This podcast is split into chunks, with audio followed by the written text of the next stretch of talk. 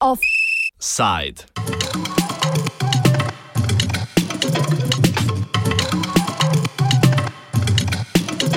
Beljenje koralnih grebenov.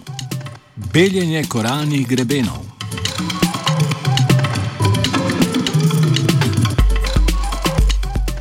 Današnji offset bo posvečen dlje časa trajajočem problematičnem procesu beljenju koral. To je ločitev alg od koral, s katerimi živijo v simbiotskem razmerju zaradi večje kislosti ali višjih temperatur vode. Spremembe v lastnostih vode povzročajo okoljske spremembe, predvsem globalno segrevanje, so pa korale tudi občutljive na nečistočo. Beljenje koral je naravni fenomen, ki se je dogajal že v preteklosti, a nikoli v tako velikem obsegu kot danes. Zdravi koralni grebeni prispevajo k turizmu in ribolovu, prav tako pa se v njih nahaja veliko odkritih in neodkritih živalskih vrst. Kaj povzroča beljenje koral in zakaj se sploh tako imenuje, razloži Sebastian Fers, okoljevarstvenik, ki se ukvarja s koralnimi grebeni na Centru za tropsko morsko ekologijo v Leibnicu. You have uh, stress factors that contribute to coral bleaching, and so uh, what generally happens is that the algae that live in the uh, in the tissue of the coral, um, when the temperatures are not optimal for them, um, they start to produce um, oxygen radicals. Um, so um, little compounds that are toxic to the uh, to the corals. Um, and normally the corals they um, they get sugars and other nutrients from the from the algae, and now this kind of symbiosis is disturbed, and as a result, the uh, the corals to save to protect themselves, they throw out the algae, they expel the algae, and uh, as a result of this loss of the algae, the coral starts to look white because the tissue is transparent, and you only see the uh, the white skeleton underneath. So that's why we say the coral is bleached. Korale oziroma koralni grebeni rastejo zelo počasi.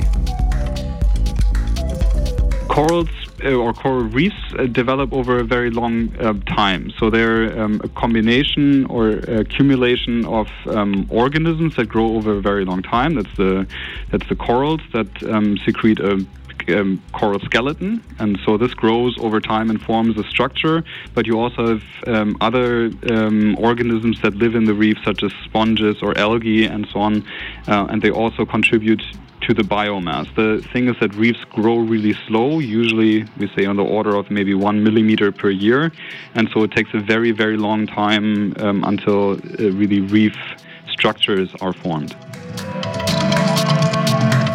V zadnjih desetletjih smo imeli tri globalna množična beljenja koral. Prvo na koncu 20. stoletja, drugo leta 2010, tretje pa je v teku od leta 2015. Nadaljuje Fers.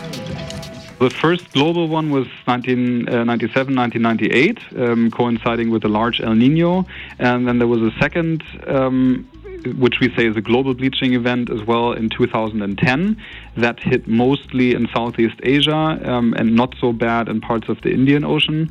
Um, and now the 2015 2016 bleaching event that we're seeing right at the moment uh, is again um, affecting mostly the, the Pacific uh, region, the Western Pacific, the Great Barrier Reef, um, but also other reefs, um, for example, in the Indian Ocean, are affected.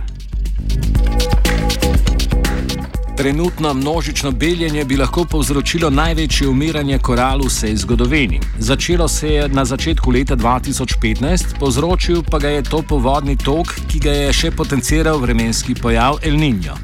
The bleaching event at the moment um, started actually already last year, and it's the result of a particularly strong um, El Nino event that we have. So, we since 2000, the end of 2014, we're actually in a global, or we are in an El Nino year, which is changing the temperature patterns, particularly in the Pacific. And as a result of this, we have seen unusually warm um, seawater temperatures for a long time in many parts of the of the Pacific, and we're also seeing now in the recent months.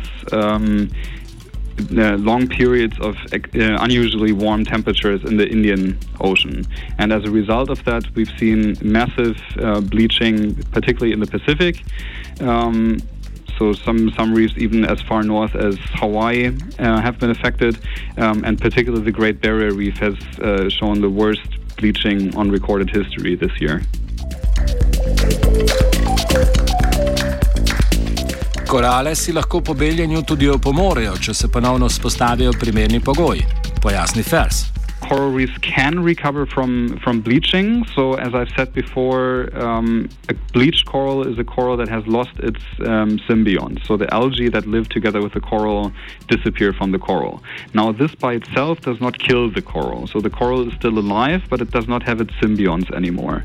Um, so, if this um, state continues for a longer time, then the coral does not get the nutrients that it needs from the from the algae anymore, from the symbionts, and that means over a long time, if the coral stays bleached, um, it is more susceptible to other stress and disease, and ultimately it will starve. So if bleaching continues for a long time, the corals will die if the coral um, recovers, so if the conditions, the temperature um, uh, goes down again and the conditions get better, corals can recover, and in that case, they simply get new symbionts, new algae from the water again, and they start to recover their color and their um, their capacity for symbiosis and for photosynthesis again, and then they can heal again and continue growing as normal. Koralni grebeni so tudi zelo pomembni za morski ekosistem, saj v njih živi veliko različnih živalskih vrst. Prav tako ščitijo obalo pred erozijo. Živali, ki živijo v koralnih grebenih, se uporabljajo tudi v farmaciji, saj za napad ali obrambo proizvajajo snovi, iz katerih se delajo nova zdravila. Corals, coral reefs are really important um, sources of biodiversity. So they hold the, ho- the highest marine biodiversity um, anywhere on the planet. So um, because of that, uh, they're an important um, biological resource. Uh, we estimate that somewhere between one and, um, and three million species may live in, in coral reefs, and a large part of these are uh, undescribed so far. And we know that a lot of uh, bioactive compounds exist in reefs. So, um, in terms of pharmaceutical uh, discovery, um, medicines, potential medicines, and so on, they are a really important resource.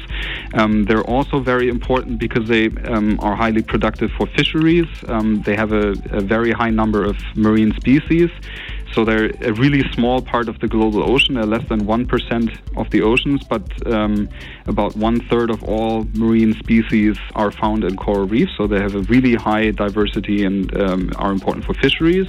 And they're also really important for coastal um, protection. So coral reefs are very efficient at breaking waves and, and currents, and they prevent coastal erosion um, in, in the areas where they grow. And because of all this, fisheries, prevention from erosion, and also tourism value, um, they are among the most valuable ecosystems that we have on the planet. So people have estimated that coral reefs um, contribute over $9 trillion dollars of, of value in ecosystem services per year.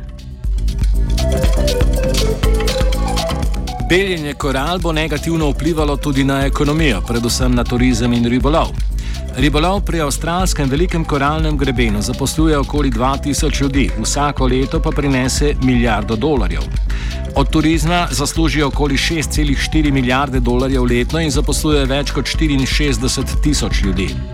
Tam je uničenih že okoli 35 odstotkov koral. Še huje so prizadete razvijajoče se države.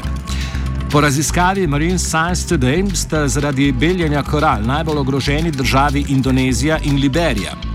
Več kot 63 odstotkov ljudi, ki živijo v bližini koralnih grebenov, prihaja iz držav, ki imajo bruto domači proizvod na prebivalca manjši od 5000 dolarjev. Beljenje korali bo še dodatno prizadelo.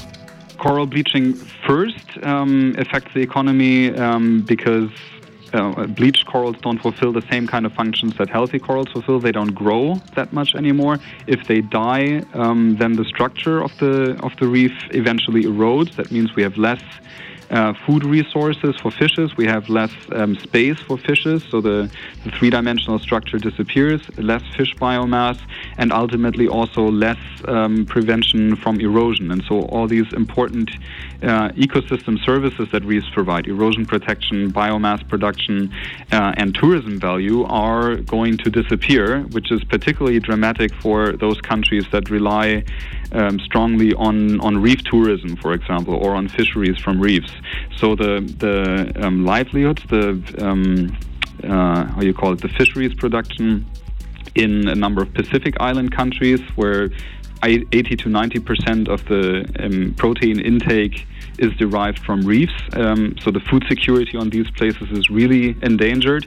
And places like uh, like Australia, which has um, I think one third of its gross domestic product derived from tourism related to the Great Barrier Reef. So it's a huge economic um, factor. Um, will also suffer in the future if these reefs are destroyed. Izpust toplogrednih plinov 424 milijonov ljudi, ki živijo v bližini koralnih grebenov, je 1,78 ton oglikovega dioksida na osebo v enem letu. Za primerjavo, v Združenih državah Amerike je ta številka 20,1 tone na osebo, v Evropi pa 11,4 tone oglikovega dioksida na osebo. Ljudje, ki bodo najbolj trpeli zaradi izgube koralnih grebenov, k temu prispevajo najmanj.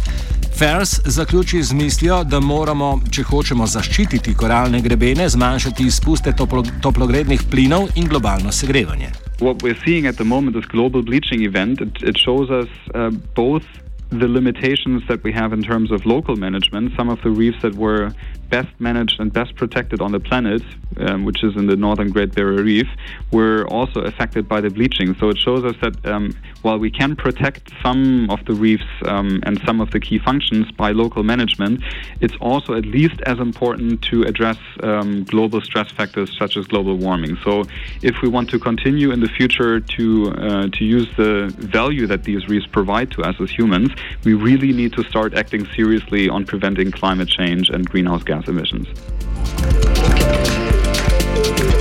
Offside je pripravil vid.